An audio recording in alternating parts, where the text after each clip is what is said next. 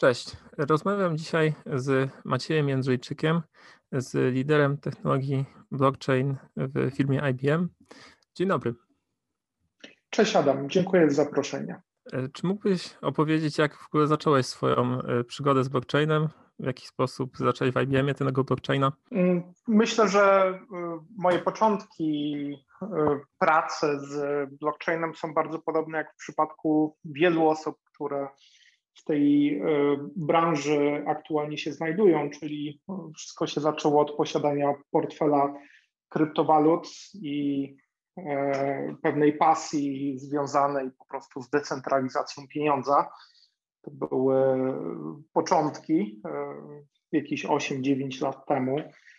Oczywiście później mm, przejście z, mm, z takiego świata typowo związanego z, z kryptowalutami do świata, gdzie to przedsiębiorstwa miały wykorzystać możliwości e, samej technologii, nastąpiło troszeczkę później, e, w okolicach 2016 roku. To był moment, kiedy mm, bardzo dużo takich pionierskich projektów powstawało które wykorzystywało mm, blockchaina do optymalizacji czy do pewnych procesów biznesowych, czy do rozwiązywania pewnych konkretnych problemów związanych z, z zaufaniem w, jakimś, w jakiejś grupie przedsiębiorstw. I to właśnie mniej więcej w tym momencie, mm, oprócz tej, tego prywatnego zainteresowania, mogłem również rozwijać się e, w kierunku zawodowym. E, I w zespole IBM-a e, zajmuję się blockchainem właśnie, no już w tej chwili blisko 4 lata. Byłem jedną z osób odpowiedzialnych za założenie praktyki blockchainowej tutaj w Polsce, w Warszawie, która z powodzeniem funkcjonuje do dnia dzisiejszego i od tamtego czasu jestem odpowiedzialny za rozwój e, aplikacji biznesowych wykorzystujących e, technologię blockchain na terytorium Europy Środkowo, Środkowo-Wschodniej. Mhm. Zauważyłem, że wspomniałeś, że zacząłeś właśnie od blockchaina tego publicznego związanego z kryptowalutami, a później przyszedłeś już do takich zastosowań biznesowych. To czym różnią się te dwa podejścia? Czy są jakieś różnice? Oczywiście te różnice istnieją. E, sam, sama technologia y, znacznie się od siebie nie różni, ale jej wykorzystanie jej konkretne implementacje y, znacząco się od siebie różnią. Y, ze względu na swoją specyfikę, blockchain prywatny nie musi wymagać aż tak restrykcyjnego podejścia do modelu konsensusu, ponieważ poziom zaufania pomiędzy podmiotami tworzącymi e, konsorcjum bądź e, sieć prywatną e, jest znacznie wyższy niż w przypadku węzłów, które współtworzą blockchain publiczny, gdzie mhm. ten poziom zaufania jest znacznie niższy. I to pozwala fundamentalnie obniżyć wymogi przede wszystkim po stronie mocy obliczeniowej, do tego, żeby móc osiągnąć spójność e, w otrzymaniu ostatecznej wersji nowego e, stanu po zebraniu wszystkich transakcji, które w danym interwale czasu e, zostały wygenerowane w ramach, w ramach danej sieci. To jest, to jest pierwsza duża techniczna różnica. Oczywiście istnieją również powody biznesowe, które wymogły powstanie e, blockchaina prywatnego. E, I te wymogi zazwyczaj mm, dotyczą kwestii związanych z przeniesieniem typowych standardów wynikających z relacji biznesowych w takim tradycyjnym świecie do świata cyfrowego, do świata no, tutaj w tym przypadku zdecentralizowanego, czyli aspekt prywatności, E, transakcji, aspekt poufności, relacji pomiędzy poszczególnymi kontrahentami, aspekt e, wysokiej transakcyjności, w, który, który byłby w stanie rozwiązać pewne przypadki użycia mm, związane przede wszystkim z, z finansami. I wiele innych powodów, między innymi zdolność do pełnej kontroli dystrybucji danych, w celu zaspokojenia mm, zobowiązań wynikających z tego, że w niektórych przypadkach niektóre przedsiębiorstwa funkcjonują na rynkach bardzo silnie regulowanych oraz przede wszystkim właśnie dostosowanie się do istniejących regulacji wymogło zmodyfikowanie pierwotnych protokołów wykorzystujących blockchain do tego, żeby mogły po pierwsze kontrolować, kto do danej sieci może dołączyć, jasno zidentyfikować te podmioty w celu uniknięcia problemów wynikających z, e, z praniem pieniędzy i finansowaniem terroryzmu e, oraz zdolnością do otrzymania pełnej informacji, od kogo dane cyfrowe aktywo pochodzi, e, kim konkretnie jest podmiot, który brał udział w jakimś procesie poprzez wszelkiego rodzaju transakcje, które właśnie wymagają prywatności, poufności, kończąc oczywiście na pewnych e, konkretnych modyfikacjach, które po prostu w publicznym blockchainie nie dałoby się zastosować ze względu na to, że e, tak jest skonstruowana, e, tak, tak skonstruowane są jego implementacje, czyli właśnie kontrola dystrybucji danych, kontrola, y, selekcja poszczególnych węzłów, które pełnią ro, rolę walidatorów w stosunku do innych, które tej roli nie pełnią i tak dalej, i tak dalej. Mhm. No, wspomniałeś o tej prywatności. Czy y, mógłbyś bardziej opowiedzieć, w jaki sposób, jeżeli możesz, jest zapewniana ta prywatność transakcji? Czy to jest wiem, jakieś szyfrowanie, czy to jest jeszcze jakiś inny mechanizm? To wszystko oczywiście zależy od wyboru protokołu. Każdy każda implementacja blockchaina prywatnego y, posiada swoje własne wypracowane mechanizmy i techniki, y, które zazwyczaj mm, wynikają z pewnych standardów, y, które już funkcjonowały na rynku wcześniej, a które zostały po prostu dostosowane do warunków sieci rozproszonej. Ta prywatność zazwyczaj jest realizowana przede wszystkim poprzez segmentację ruchu, czyli tworzenie prywatnych kanałów komunikacyjnych, w ramach których funkcjonuje jedynie pewna grupa podmiotów spośród wszystkich podmiotów tworzących sieć i w ramach której tworzony jest po prostu oddzielny sidechain ze swoją własną historią, ze swoimi własnymi transakcjami, który, które, których rezultat nie jest dystrybuowany do wszystkich e, węzłów danej sieci. Wykorzystywane są również techniki dystrybucji e, poufnych danych, które nie wykorzystują e, mechanizmu e, dystrybucji za pomocą zbierania danych w celu wygenerowania bloku i rozdystrybuowania ich do wszystkich węzłów. Są to mechanizmy również pozwalające na to, żeby móc przetrzymywać dane poza blockchainem, ale z pełnym podlinkowaniem do y, ich ekwiwalentu zarejestrowanego w postaci hasza na blockchainie, co daje oczywiście możliwość w przyszłości usunięcia tych danych. Takim przykładem w Hyperledger Fabric, jednym z najbardziej popularnych y, protokołów y, blockchaina dla przedsiębiorstw, jest funkcjonalność, która nazywa się Private Data Collection. Istnieją również inne mechanizmy, takie jak wykorzystywanie e, funkcjonalności na poziomie hardware'u, e, jak na przykład enklawy w procesorach intelowskich, e, wykorzystywanie instrukcji SGX i tak zwanych Trusted Execution Environments, czyli właśnie enklaw proponowanych czy udostępnionych przez procesory Intel, które pozwalają na wykonanie pewnych konkretnych e, transakcji e, i rozdystrybuowanie rezultatów, ale bez możliwości wglądu e, w to, co konkretnie było przedmiotem tej transakcji, czyli zachowanie poufności inputów, które były wykorzystane do tego, żeby tę transakcję wykonać. Oczywiście e, zarówno mechanizmy typu Zero Knowledge e, również są zastosowane w wielu e, protokołach, między innymi w Sawtooth Lake, w Indii oraz w Quorum. Więc te techniki, jak również wiele innych specyficznych w stosunku do danego protokołu, są wykorzystywane w blockchainie prywatnym. Mhm. Tam wspomniałeś Hyperledgera. W sumie to jest właśnie temat, który zainteresował mnie najbardziej, bo bardzo często o nim słyszę. I wspomniałeś o tych kanałach. Y, czy mógłbyś y, trochę bardziej opowiedzieć, jak te kanały wyglądają w Hyperledgerze? Y, czy są jakieś dobre praktyki? Jak tego używać dobrze? Mhm. Mm, wspominasz konkretnie o implementacji, o jednym z projektów e, rozwijanych przez społeczność Hyperledger.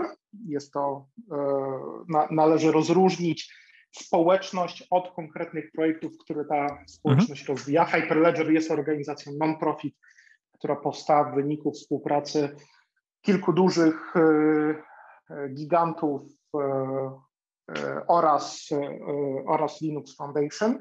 Za to projekt, o którym wspominasz konkretnie, nazywa się Hyperledger Fabric.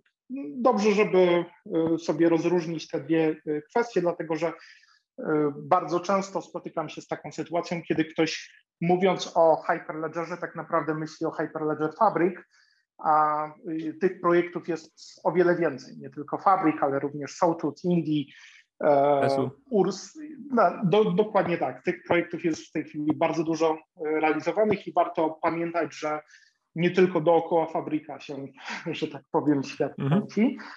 Um, jeśli chodzi, wracając do Twojego pytania, e, wykorzystanie kanałów Hyperledger Fabric to była jedna z pierwszych funkcjonalności, które zostały wdrożone w wersji 1.0 w 2017 roku pozwalających właśnie na uzyskanie jakiegoś poziomu prywatności. I to funkcjonuje mniej więcej w taki sposób, że w ramach danego istniejącego konsorcjum, danej sieci, możemy wytwarzać e, oddzielne jej segmenty, e, w ramach których przepływają e, informacje wynikające z wygenerowanych w ramach tego, tego segmentu transakcji i których rezultaty są rejestrowane w kopii blockchaina, która jest wytworzona tylko i wyłącznie w ramach tego kanału, co oznacza, że tylko i wyłącznie te podmioty spośród tych, które znajdują się w danej sieci, które zostały do tego konkretnego kanału zadeklarowane,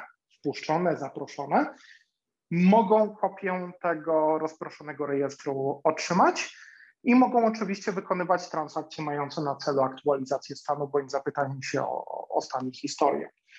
E, I to tylko tyle, ja tyle. Dla przykładu takiej implementacji w praktyce mogę podać trwały nośnik danych, e, który został wdrożony w bankowości e, między innymi przez Krajową Izbę Rozliczeniową i bank PKO BP.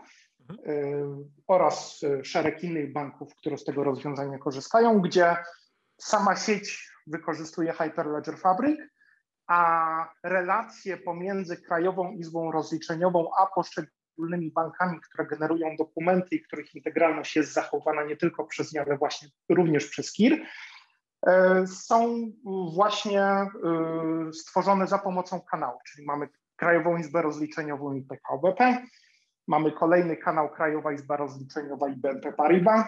Mamy kolejny kanał w postaci Kiru i e, firmy ubezpieczeniowej Link 4 i tak dalej, i tak dalej. I dzięki temu taki KIR posiada wszystkie kopie rozproszonych rejestrów, które zostały wytworzone w danych kanałach, podczas gdy poszczególne banki, które w ramach tej sieci funkcjonują, posiadają tylko i wyłącznie swoje, kopię tak? rozproszonego rejestru, która wynika z tego kanału, w którym są zadeklarowane.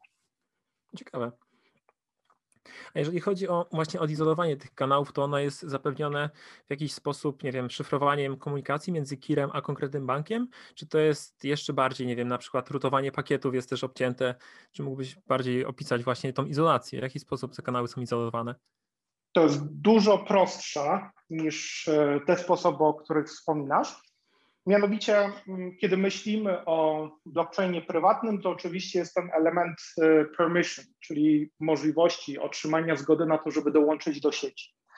Tylko, że dołączając do sieci, dla przykładu Hyperledger Fabric, tak naprawdę nie dołączamy do całej sieci, tylko dołączamy do konkretnego kanału, mhm. który w tej sieci został wytworzony. I ten kanał to jest tak naprawdę konfiguracja, w której znajduje się informacja o tym, że dana grupa podmiotów, y, unikalnie identyfikowalna przez certyfikaty, które zostały przez nich wydane i które zostały razem z tą konfiguracją złożone, mogą w danym kanale po pierwsze być, po drugie wysyłać transakcje, po trzecie odczytywać stan, no i oczywiście utrzymywać kopię ledgera. Co oznacza, że każdy kolejny podmiot zapraszany do takiej sieci w momencie zaproszenia musi to zaproszenie za, za, zawierać expressis verbis z konkretną nazwą kanału, do którego jest zapraszany. Jeżeli nie zostanie zaproszony do jakiegoś kanału, to nawet jeśli wie, że taki kanał istnieje, to mhm. poprzez to, że jego certyfikat nie jest zadeklarowany w konfiguracji tego kanału, to nie jest w stanie się po prostu do tego kanału dobyć. Okej, okay, czy nie jest w stanie się włączyć w tą komunikację? Tak, tak? dokładnie A. tak. Okej. Okay. Właśnie tam wspomniałeś, że jest, są certyfikaty, y, są kanały. Y, czy jest jeszcze jakieś inne, są jeszcze inne elementy, z których składa się taka sieć Hyperledger? No bo w przypadku publicznych blockchainów masz węzły i to wszystko. Czy w Hyperledgerze mhm. jest podobnie? Y, Hyperledger Fabric bardzo niewiele mm, różni się od, od innych protokołów tego typu. Mamy do czynienia z węzłami, które w nomenklaturze tej konkretnej technologii nazywają się peers, które otrzymują, przetwarzają e, i wysyłają e, transakcje do, czy to do smart kontraktu, czy to później po skomitowaniu już blok do lokalnej kopii ledgera. Mamy również inny rodzaj węzłów, które nazywają się orders, i to są rodzaje węzłów, które służą czy, czy są dedykowane tylko i wyłącznie do otrzymywania kandydatur na transakcje podpisanych cyfrowo i zwalidowanych, zweryfikowanych wcześniej przez, przez PIRy, zebraniu serii tych transakcji w danym interwale czasu od wszystkich e, PIRów, e, które, znaczy od, od, od wszystkich węzłów, które, które te transakcje wytworzyły, posortowanie ich pod kątem znacznika czasu, stworzenie bloku i rozesłanie go e, z powrotem do wszystkich pirów w celu, w celu komitu. To nam gwarantuje finalność e, e, transakcji i to, że nigdy nie dojdzie do takiej sytuacji, w której dochodzi do niespójności danych bądź braku spójności. Mhm. W punkt, nie, nie, nie ma możliwości stworzenia z czysto technicznego punktu widzenia forka w ramach Hyperledger Fabric, dlatego że zawsze taką wyrocznią w mhm. tworzeniu bloków jest właśnie e, szereg węzłów o, o, o funkcji orderer. Mamy również komponenty, które nazywają się, e, ogólnie nazywają się Membership Services Provider i jest to po prostu repozytorium e, kryptomateriału, czyli certyfikatów oraz kluczy prywatnych stworzonych za pomocą krzywej eliptycznej, które reprezentują nam tożsamość poszczególnych e, komponentów sieci. E, każdy peer posiada własny certyfikat, każdy orderer posiada taki certyfikat, każdy użytkownik w ramach danej organizacji również posiada taki certyfikat i każda z organizacji zarządza swoją, swoim kryptomateriałem. Ten kryptomateriał jest zgodny z, ze standardem X509, więc e, Czyli może tak zostać wykorzystany. Dokładnie tak. Można do tego wykorzystać albo istniejącą infrastrukturę PKI, albo zastosować dedykowany do tego celu mm, komponent, y, który jest, znajduje się y, w, w, w ramach, jest rozwijany przez community Hyperledger Fabric, jakim, jakim jest y, Fabric CA. Jest to po prostu kontener, który nam służy jako root CA albo intermediate CA, do tego, żeby nam generować nasz materiał kryptograficzny potrzebny do tego, żebyśmy my jako organizacja zarządzali naszymi użytkownikami, wycofywali skompromitowane certyfikaty e, bądź generowali nowe. Oprócz tego po stronie aplikacyjnej mamy do czynienia z, e, z SDK, które jest wykorzystywane do tego, żeby móc komunikować się czy tłumaczyć instrukcje E, napisane w danym języku programowania do e, instrukcji, które są zrozumiane przez warstwę poniżej, czyli poprzez e, protokół gRPC są wysyłane do, czy to do peerów, czy do ordererów. Takie SDK w tej chwili jest dostępne dla języka Node.js, dla Java, dla Go i również eksperymentalnie dla Rasta. I oczywiście SDK będzie wykorzystywane przez naszą aplikację do tego, żeby komunikować się z resztą sieci w celu wysyłania transakcji, otrzymywania transakcji, e, otrzymywania potwierdzenia, e, zwalidowania transakcji itd. Tak itd. Tak mhm. Mamy również portfel, czyli to nasze repozytorium, w którym przetrzymujemy nasz materiał kryptograficzny. I w tym przypadku Hyperledger Fabric oczywiście będzie wspierać e, po prostu jakiś file system, co może być dobre dla rozwiązań deweloperskich, ale oczywiście w zastosowaniach produkcyjnych jest e, raczej nierekomendowane. E, a co za tym idzie, możemy również wykorzystywać portfele takie jak oparte o e, fizyczny hardware, takie jak na przykład HSM, Hardware Security Module, który jest wykorzystywany choćby w takich urządzeniach jak klucze YubiKey do, mhm. do logowania. A, a ten, HSM, ten HSM wtedy on też może dostarczać te certyfikaty? On nie dostarcza certyfikatów, on, on przetrzymuje e, tak, tak, cały tak. kryptomateriał i po prostu w momencie, kiedy y, chcemy podpisać jakąś transakcję, to za pomocą y, standardów PKCS 11, ten HSM musi PKCS 11 wykorzystywać, tę transakcję podpisujemy, właściwie robi to za nas HSM mhm. i my nie mamy przez, w żadnym momencie wglądu w klucz prywatny, który E, który daną transakcję podpisuje. Czyli taką, taki HSM by działał w ten sposób, że jeżeli aplikacja chciałaby wysłać jakąś transakcję do Hyperledgera, to wrzuciłaby ją najpierw na HSM-a, HSM by ją podpisał i później byłaby wysyłana do, do sieci. To działa troszeczkę inaczej, ale to, to, co jest najważniejsze, to jest to, że SDK się tym za nas zajmie. Czyli nie musimy E, nie, nie, nie musimy tworzyć żadnej warstwy abstrakcji bądź doprogramowywać tych funkcjonalności. Mhm. E, wszystkie interfejsy API służące nam do tego, żeby móc potencjalnie wykorzystywać HSM-a już, już istnieją są możliwe do wykorzystania. Okej. Okay. A jakbyś mógł powiedzieć, właśnie jeżeli to wygląda inaczej, to w jaki sposób wygląda taki przepływ transakcji? Mam mhm. aplikację, którą napisałem sobie sam i ona jest odpalona na przykład na AWS-ie i ona chce się zapisać coś na blockchainie. W jaki mhm. sposób wygląda takie życie transakcji od momentu, gdy wyśle ją moja aplikacja, do momentu, gdy mhm. zostanie już włączona do blockchaina? Mhm. To jest bardzo długi proces, e, ale postaram się go opisać e, w miarę zwięźle. Więc, e, żebyśmy byli w stanie w ogóle wysłać jakąkolwiek transakcję, to kryptomateriał reprezentujący naszą tożsamość musi być wypuszczony przez jedną z organizacji, która do tej sieci należy. Czyli jeżeli nie jesteśmy, e, otwieram cudzysłów, akredytowani, zamykam cudzysłów, przez jedną z organizacji do tego, żeby móc e, wysyłać transakcje, to nie będziemy w stanie nigdy się do tej sieci dobić. Nawet gdyby wszystkie interfejsy do poszczególnych węzłów były całkowicie otwarte i dostępne na zewnątrz.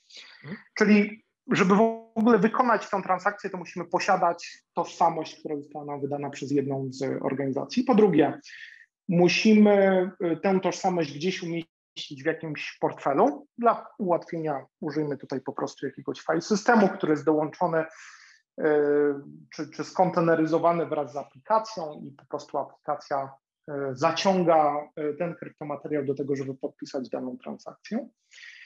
Trzecia rzecz, której potrzebujemy, to jest deklaracja co do węzłów, do których chcemy tę transakcję wysłać.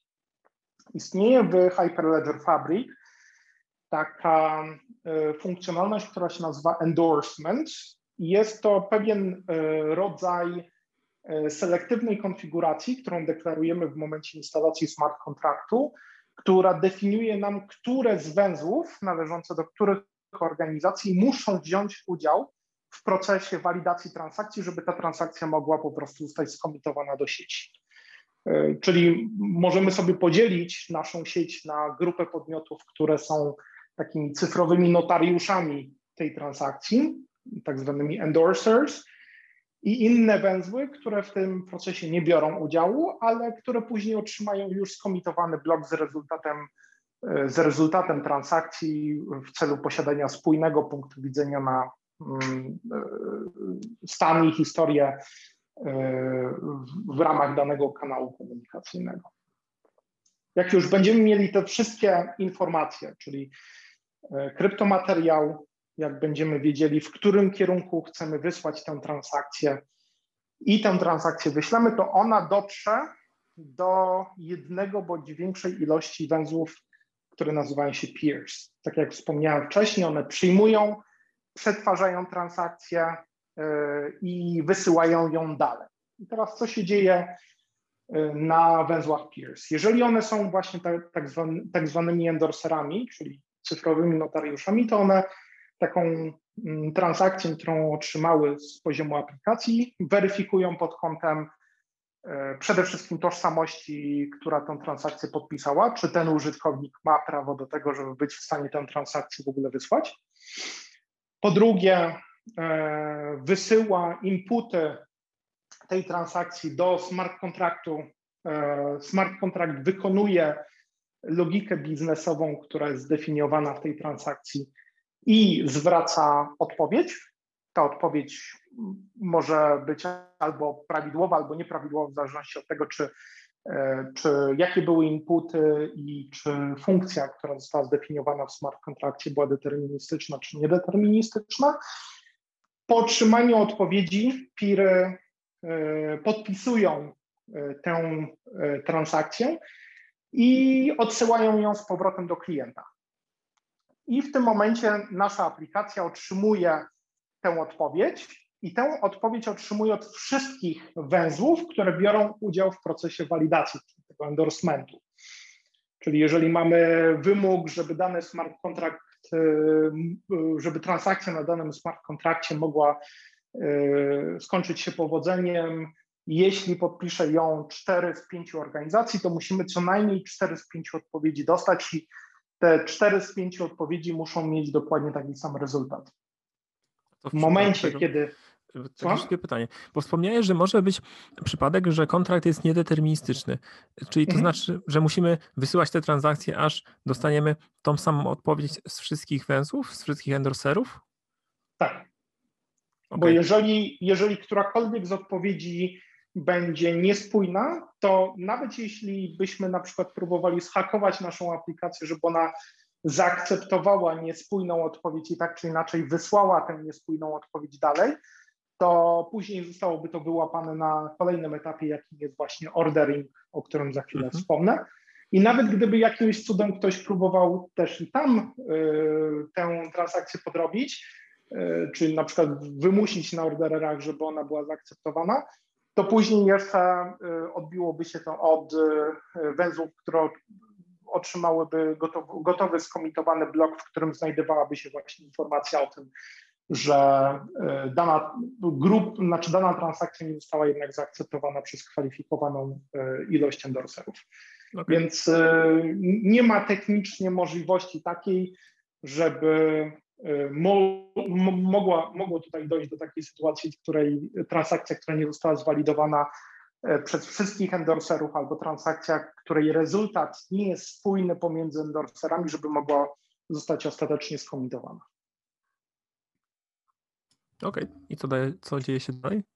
Co się dzieje dalej? Jak już zbierzemy odpowiednią ilość odpowiedzi od endorserów, ponownie podpisujemy tę naszą paczkę z odpowiedziami i wysyłamy ją do e, węzłów, które nazywają się orderer.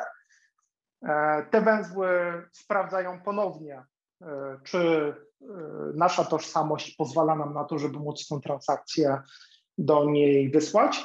Weryfikują, czy wszystkie, czy kwalifikowana ilość endorserów zaakceptowała tę transakcję i dała dokładnie ten sam rezultat, po czym Wszystkie tego typu transakcje w danym interwale czasu zbierają, sprawdzają pod kątem znacznika czasu, sortują, zamieniają w paczkę, czyli kolejny blok, podpisują swoim podpisem y, elektronicznym i rozsyłają do wszystkich węzłów znajdujących się w kanale komunikacyjnym, w której do tej transakcji dochodzi.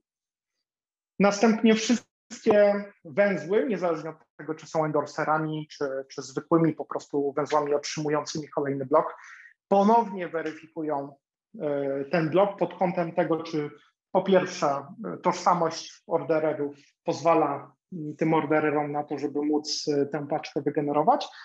Po drugie, weryfikuje wszystkie podpisy, które były wykorzystywane jak dotąd przez poszczególnych uczestników do tego, żeby zweryfikować, czy rzeczywiście ta transakcja może zostać zaakceptowana.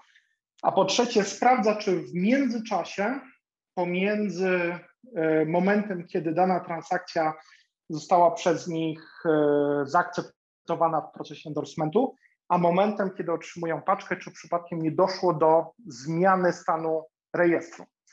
Jeżeli do takiej zmiany by doszło, to wtedy y, dane, dana kandydatura, y, szereg transakcji znajdujących się w, w, w tym bloku po prostu zostałaby odrzucona. Dlatego, że nie, nie mielibyśmy tutaj do czynienia ze spójnością, czyli po prostu muszą zostać te transakcje odrzucone i wysłane ponownie. Jeżeli zostaną zaakceptowane, a powinny być zaakceptowane, ponieważ wcześniej wszystkie e, węzły, wszystkie piry posiadały identyczny punkt widzenia, ponieważ posiadały spójny, spójną lokalną kopię rejestru, to ten blok jest komitowany i są zwalniane e, wcześniej zablokowane e, stany z poprzedniej wersji rejestru, czyli te, które były zapisane w poprzednim bloku.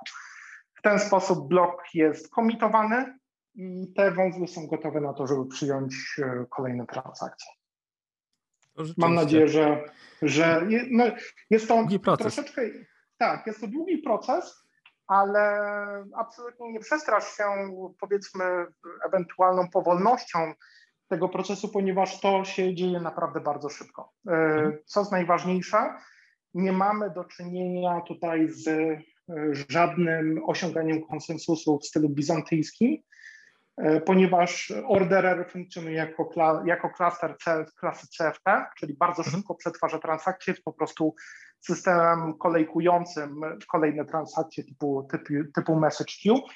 Dla e, przykładu podam Ci, że Hyperledger Fabric wcześniej wykorzystywał do tego Kafka i Zookeepera, które są hmm. znane. Teraz chyba Rafta wykorzystuje. A teraz wykorzystuje właśnie Rafta opartego o etcd, czyli tę implementację, która jest między innymi wykorzystywana w Kubernetesie i w bardzo mhm. wielu innych implementacjach e, message queue w, w, w różnym oprogramowaniu open source.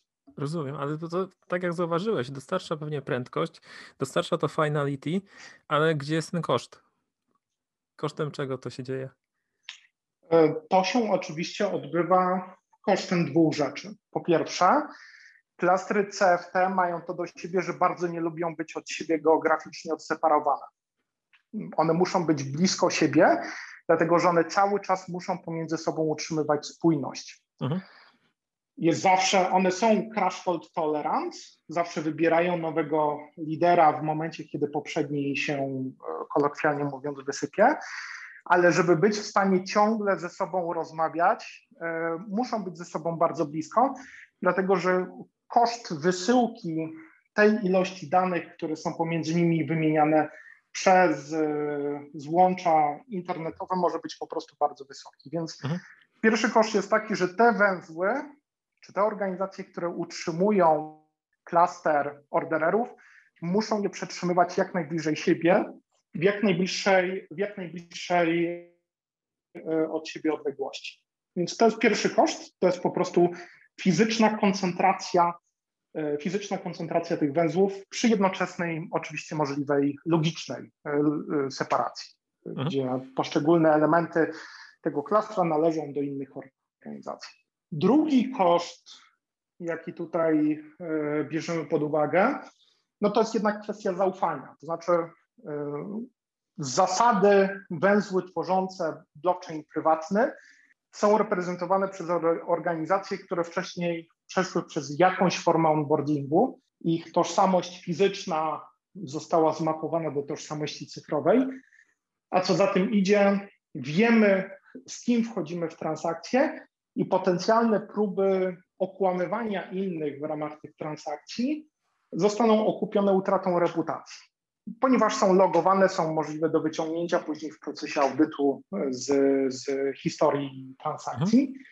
Ale to jednak e, obniża znacznie poziom e, wymagalności, jeśli chodzi o, o, o zaufanie. Generalnie węzły PIR ufają węzłom orderer, węzły orderer pomiędzy sobą e, sobie też również ufają i węzły PIR w stosunku do siebie też nie weryfikują spójności. Każda organizacja mhm. właściwie jest wyspą, która sama sobie ufa i ufa węzłom, od których otrzymuje transakcje.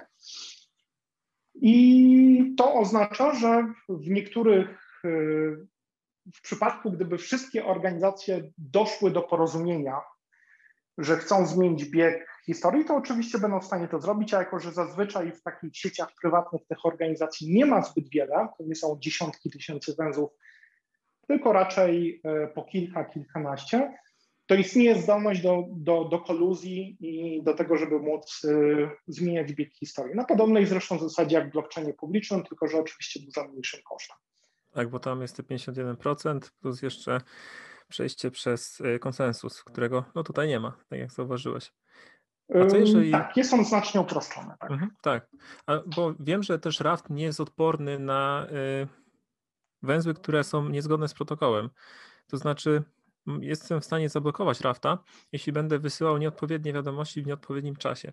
I rozumiem, że to też jest ryzyko, które ponosimy używając tego orderera w wersji Raftowej.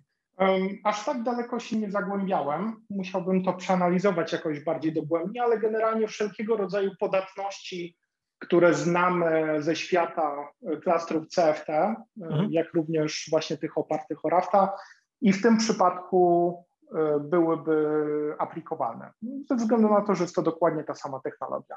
No tak. Niemniej jednak są oczywiście implementacje konsensusu, e, który jest dużo silniejszy. E, bardzo fajną rzeczą w Hyperledger Fabric jest to, że jest to bardzo modularna konstrukcja, więc możemy taki klaster ordererów złożony z węzłów Rafta zamienić na coś innego i są y, eksperymentalne implementacje BFT, co najmniej trzy, jedna prowadzona przez NEC, druga prowadzona przez Uniwersytet Lizboński, trzecia przez y, IBM Research Lab w Haifie i któryś z nich najprawdopodobniej uzyska ten poziom wymagalności, żeby zostać skomitowany jako jeden z wyborów docelowych w przyszłych implementacjach Hyperledger Fabric.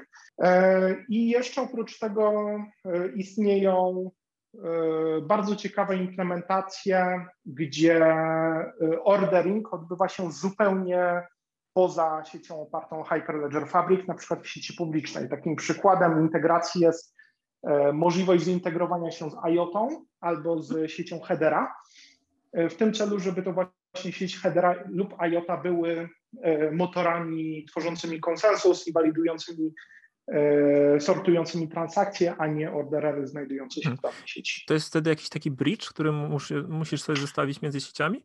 E, to wszystko zależy od implementacji.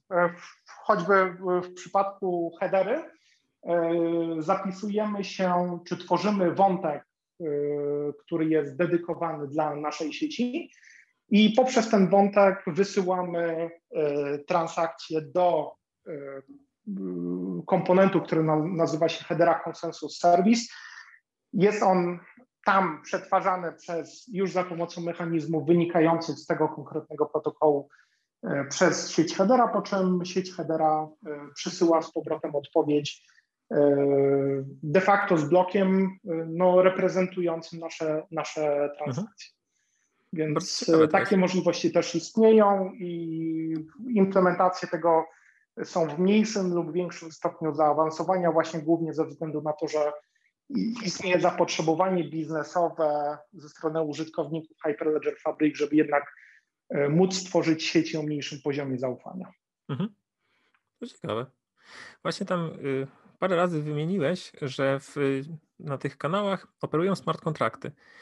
I w jaki sposób te smart kontrakty się tam pojawiają na tych kanałach? Bo rozumiem, że ostatecznie to właśnie smart kontrakt wykonuje transakcję, którą wysyłam do sieci. W jaki sposób te, te smart kontrakty są też pisane? Nie wiem, jakie języki można wykorzystać do pisania kontraktów na Fabriku? Mhm.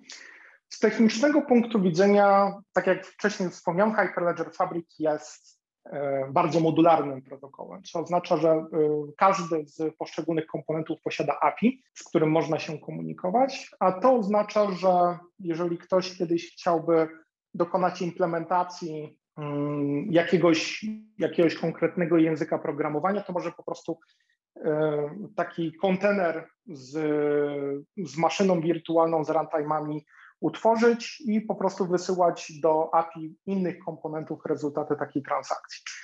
W produkcji, w, praktycznie, w praktyce można pisać smart kontrakty w języku Go, e, Node.js i w Javie, ale istnieją również eksperymentalne funkcjonalności, e, eksperymentalne runtime dla Solidity, e, dla Rasta i dla Pythona.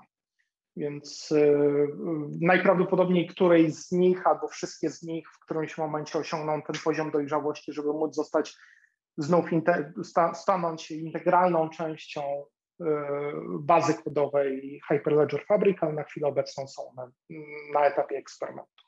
Mhm.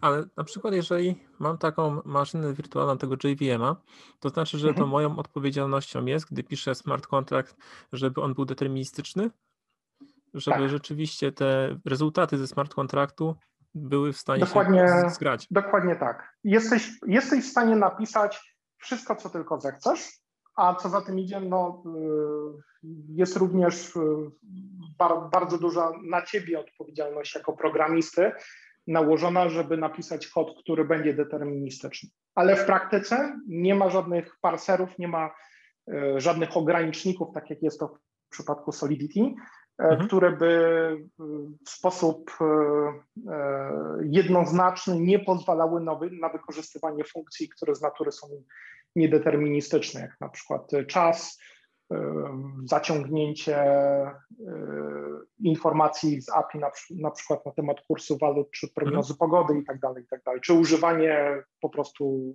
randomizerów. To wszystko jest możliwe, e, ale to też jest pewien plus, dlatego że to pozwala firmom, które tworzą rozwiązania w oparciu o tę platformę, na to, żeby móc zaangażować swoją istniejącą bazę programistów, którzy już piszą w Node.js, w Javie, e, w Go, e, do tego, żeby byli w stanie po prostu zacząć e, praktycznie tego samego dnia zacząć pisać smart contracts, dlatego że są to standardowe runtime dla tych poszczególnych języków, bez żadnych ograniczników. No, z tym założeniem tylko, żeby było deterministycznie. Tak, dokładnie tak.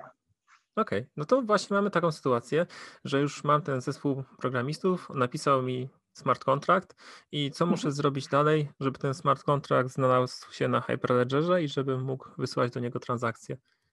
Mhm. W momencie, kiedy smart contract jest przygotowany, to przechodzi on przez proces wpierw instalacji na istniejącej sieci, na poszczególnych węzłach sieci, a później procesu walidacji. E, przez poszczególne, e, przez poszczególne organizacje. Ta walidacja to jest nic innego jak po prostu głosowanie nad przyjęciem nowego smart kontraktu w sieci. I ten proces, e, tak jak wspomniałem, on jest dwuetapowy. Na pierwszym etapie wszystkie organizacje otrzymują najprawdopodobniej od Was, od Waszej organizacji kod tego smart kontraktu. Weryfikują go oczywiście pod kątem e, integralności, pod kątem bezpieczeństwa już wedle własnych polityk e, i dokonują procesu instalacji. Instalacja jeszcze nie oznacza, że można wykonywać ten smart contract. Dopiero w momencie, kiedy ten smart contract osiągnie kwalifikowalną ilość e, głosów z organizacji należących do sieci, żeby móc stać się e, w pełni działającym smart kontraktem, dopiero wtedy będzie można wykon wykonywać na nim transakcje. To jest e, mniej więcej tak wygląda proces.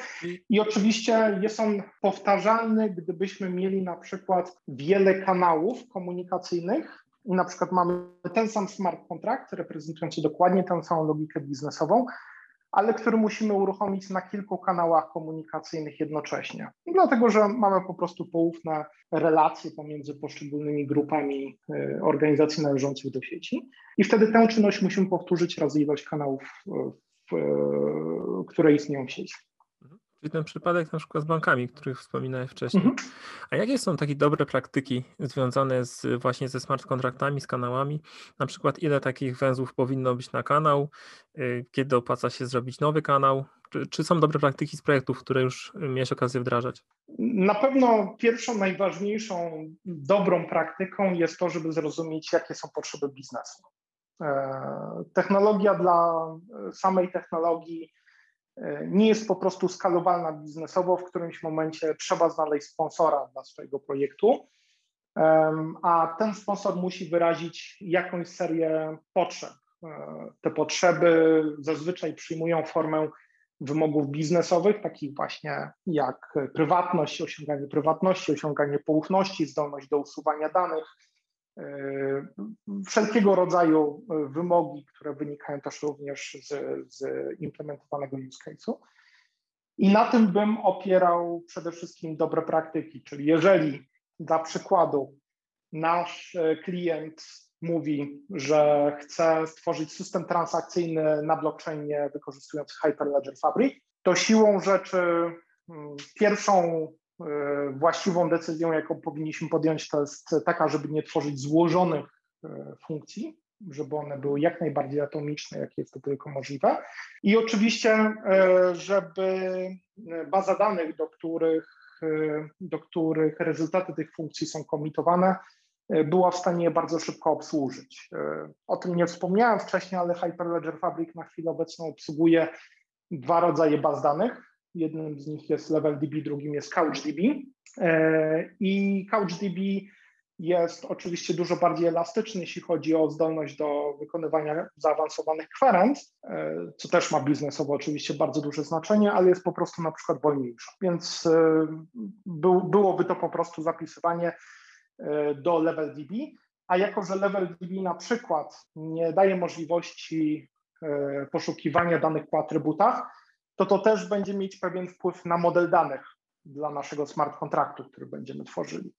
I to jest jeden, jeden z setek różnych przykładów, które mógłbym oczywiście podać, e, mhm. ale myślę, że nie starczyłoby nam czasu na to, żeby to zrobić. Dlatego jeszcze raz podkreślam, najlepiej jest się dowiedzieć, co potrzebuje biznes, i mhm. dopiero na podstawie tego e, przenosić to na grunt poszczególnych dostępnych rozwiązań na warstwie technologicznej. Rozumiem, ale czy są jakieś takie hard limity, typu nie wiem, jeżeli dodam do jakiegoś kanału 10 tysięcy pirów, e, to będę miał problem. Czy to jest wszystko do zrobienia? Generalnie rzecz biorąc, były takie eksperymenty robione i one nie wykazały jakichś e, limitów. Jeżeli istnieją limity, to one wynikają z poszczególnych wykorzystywanych technologii. Dla przykładu nasz rzeczony CouchDB mm, według mm, społeczności, która go utrzymuje, jest w stanie utrzymać maksimum 64 terabajty danych. To jest mhm. oczywiście całkiem dużo informacji, no ale powiedzmy, że gdyby taki chain działał nam e, bardzo intensywnie przez okres kilku lat, to myślę, że dotarłby w którymś momencie do, do, do, tego, wysycenia. Do, do, do tego wysycenia. To jest oczywiście czysto teoretyczne, ale takie ograniczenia natywne dla poszczególnych technologii, które tworzą Hyperledger Fabric istnieją. Mhm. E, jeśli chodzi o wewnętrzne limitacje, na pewno im więcej węzłów w klastrze Rafta tym większe prawdopodobieństwo latencji. Tak jak wspomniałem, te węzły ze sobą się bardzo intensywnie komunikują. Wewnątrz danego kanału może istnieć nieskończona ilość organizacji, ale w praktyce bardzo rzadko to spotykamy, dlatego że kanały służą do segmentacji, do segmentacji węzłów, a nie do agregacji węzłów. One nam dzielą, a nie pulują, mhm. nie, nie tworzą nam puli węzłów, więc E, nie ma tutaj jakiegoś zagrożenia czy limitu, a samych kanałów może być bardzo duża ilość e, i nie, nie słyszałem o żadnych ogranicznikach wynikających z protokołu. Mhm. Wspomniałeś o wdrożeniu w bankach i w Krajowej Izbie Rozrachunkowej. Czy masz jeszcze jakieś inne przykłady wdrożeń, o których możesz mówić? E, tak, oczywiście. Wspomniałeś, to jest konkretnie Krajowa Izba Rozliczeniowa. Tam został wdrożony trwały nośnik dla bankowości, który rozwiązywał problem zdefiniowany wcześniej przez UOKiK, który wymagał od banków e, zagwarantowania, że dokumenty przez nich wypuszczone zachowują swoją integralność w czasie. Mhm. Inną implementacją w Polsce jest system e-voting, wdrożony wraz e, z Krajowym Depozytem Papierów Wartościowych, który służy do przeprowadzenia walnych zgromadzeń akcjonariuszy dla spółek publicznych w pełni online.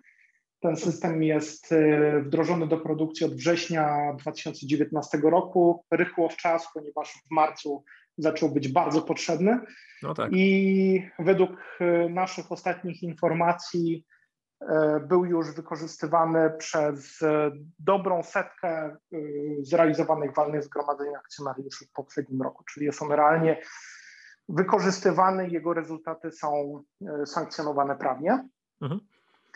Um, oprócz tego tutaj na naszym lokalnym podwórku e, warto wspomnieć o e, inicjatywach takich jak Blockchain Sandbox, e, który jest wspólnym projektem IBM, Krajowej Izby Rozliczeniowej, PKO BP, mm, operatora chmury krajowej, Fundacji Fintech Poland i Let's Fintech, i która dzieje się pod patronatem UKNF-u, który jest programem akceleracyjnym E, pomysłów wykorzystujących technologię blockchain, pozwalających, e, e, po, pozwalającym startupom, ale również i dojrzałym przedsiębiorstwom na to, żeby mogły pod, że tak powiem, pieczą tutaj bardzo dużych instytucjonalnych graczy rozwijać swoje pomysły, konsultować się pod kątem prawnym, regulacyjnym, ale również otrzymują w ramach tego programu środowisko, które znajduje się w piaskownicy i które jest odizolowane od innych środowisk, a samo to środowisko jest, reprezentuje e, no, bardzo realistyczny setup organizacyjny, gdzie mamy wiele organizacji reprezentujących różne, różne podmioty w ramach symulacji. Ale jeżeli chodzi o tę symulację, o której mówisz, to tam też jest właśnie Hyperledger Fabric, czy tam jest tak. jakiś inny blockchain? Tam jest Fabric. Ja hmm. zawsze, jeżeli mówisz, e, zadałeś mi pytanie dotyczące Fabryka, to zawsze będę wspominać o okay. implementacjach wykorzystujących Fabric. Na świecie E, IBM, sam IBM zrealizował ponad 700 projektów e, z wykorzystaniem tego konkretnego protokołu. Na chwilę obecną IBM oficjalnie wspomina o ponad setce istniejących produkcyjnych sieci, które funkcjonują na całym świecie.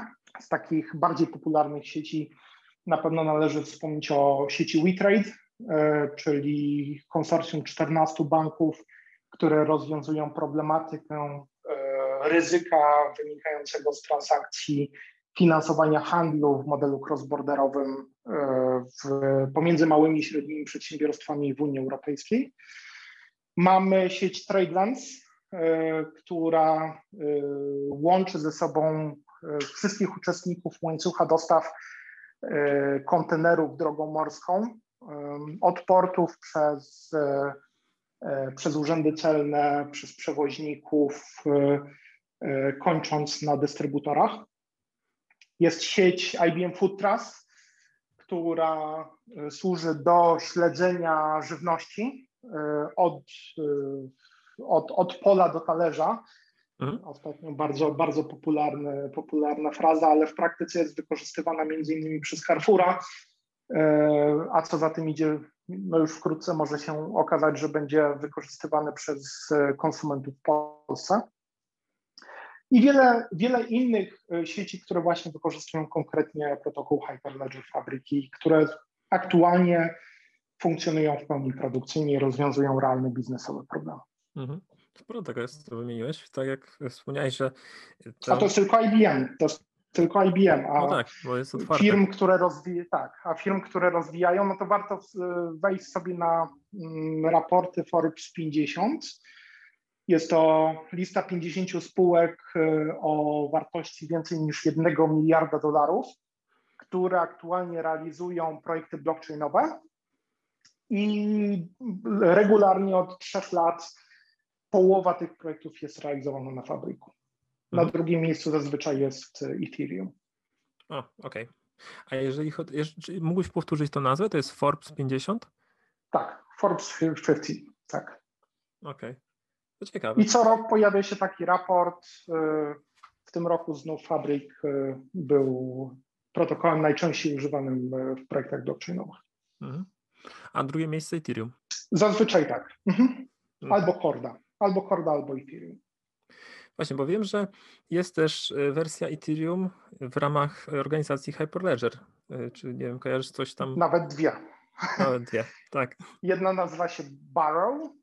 E, jest to implementacja Ethereum e, dla sieci prywatnych, która wykorzystuje e, konsensus BFT i która ma podobne fun funkcjonalności, mechanizmy zapraszania kandydatów do, do uczestniczenia w danej sieci, ale która ma w pełni zaimplementowane silniki VM na którym można wykorzystywać, wykonywać smart kontrakty napisane w Solidity. Mhm. Inną implementacją jest Hyperledger Besu, który jest niczym innym jak kolejnym klientem dla publicznej sieci Ethereum, dla mainnetu, mhm. e, tylko że napisanym w języku Go i licencjonowanym e, za pomocą Apache 2.0, e, mhm. który jest innym modelem licencyjnym niż JPL, E, I sam jakby fakt relicencjonowania e, kodu klienta Ethereum właśnie w wersji Apache 2.0 był jednym z głównych powodów, dla których właśnie konsensus postanowił dołączyć się do, do Hyperledgera, ponieważ ten model licencyjny zezwala na dużo bardziej elastyczne wykorzystywanie tego kodu do własnych celów, do modyfikacji, do, do dalszych implementacji bez potrzeby oddawania tej delty zmian, które się wykonało z powrotem do społeczności, co z punktu mhm. widzenia biznesu ma bardzo duże znaczenie, ponieważ zazwyczaj w rezultacie takich projektów powstaje jednak jakiś, jakiś IP, jakieś patenty, które po prostu przedsiębiorstwa chronią. Tak. Ale co jest jeszcze ciekawsze, jest jeszcze jedna technologia wykorzystująca Ethereum, o której warto wspomnieć, czyli Quorum. Pierwotnie rozwijanym przez JP Morgan, a obecnie administrowanym ten kod jest administrowany przez konsensus i który od podstaw e, powstał właśnie jako e, technologia do tworzenia prywatnych sieci blockchain. Więc myślę, że ta, ta triada BESU, Quorum i Barrow e, są, mhm. są takimi flagowymi rozwiązaniami pozwalającymi na uruchamianie smart kontraktów z wykorzystaniem Solidity w sieciach prywatnych bądź półprywatnych. E, rozmawiamy już e, ponad godzinę, szybko zleciało. E, mi się już pytania skończyły. Może ty masz jeszcze jakieś ciekawostki, które chciałbyś dorzucić z blockchaina albo z Hyperledgera? Generalnie wszystkich zachęcam do tego, żeby orientowali się w, we wszystkich technologiach wykorzystujących technologię blockchain, które znajdują się obecnie na rynku, żeby eksplorowali je, żeby aktywnie z nich korzystali i spróbowali ich po prostu, ponieważ e, jeśli nawet nie są wykorzystywane powszechnie w sieciach publicznych, to na pewno z punktu widzenia biznesu są one równie atrakcyjne i ich znajomość powoduje, że każda osoba będąca ekspertem w dziedzinie tych technologii staje się bardzo atrakcyjna na rynku pracy. Więc mhm. tutaj moja zachęta do tego, żeby e, nie ograniczać się tylko i wyłącznie do, do jednego, tak, inwestować swój czas i uczyć się bo to naprawdę daje niesamowity rezultat. Okej, okay. dobrze. To dziękuję za rozmowę jeszcze raz. Może porozmawiamy jeszcze w przyszłości. I cześć. Ja również bardzo dziękuję. Dziękuję za zaproszenie i do zobaczenia wkrótce. Do usłyszenia.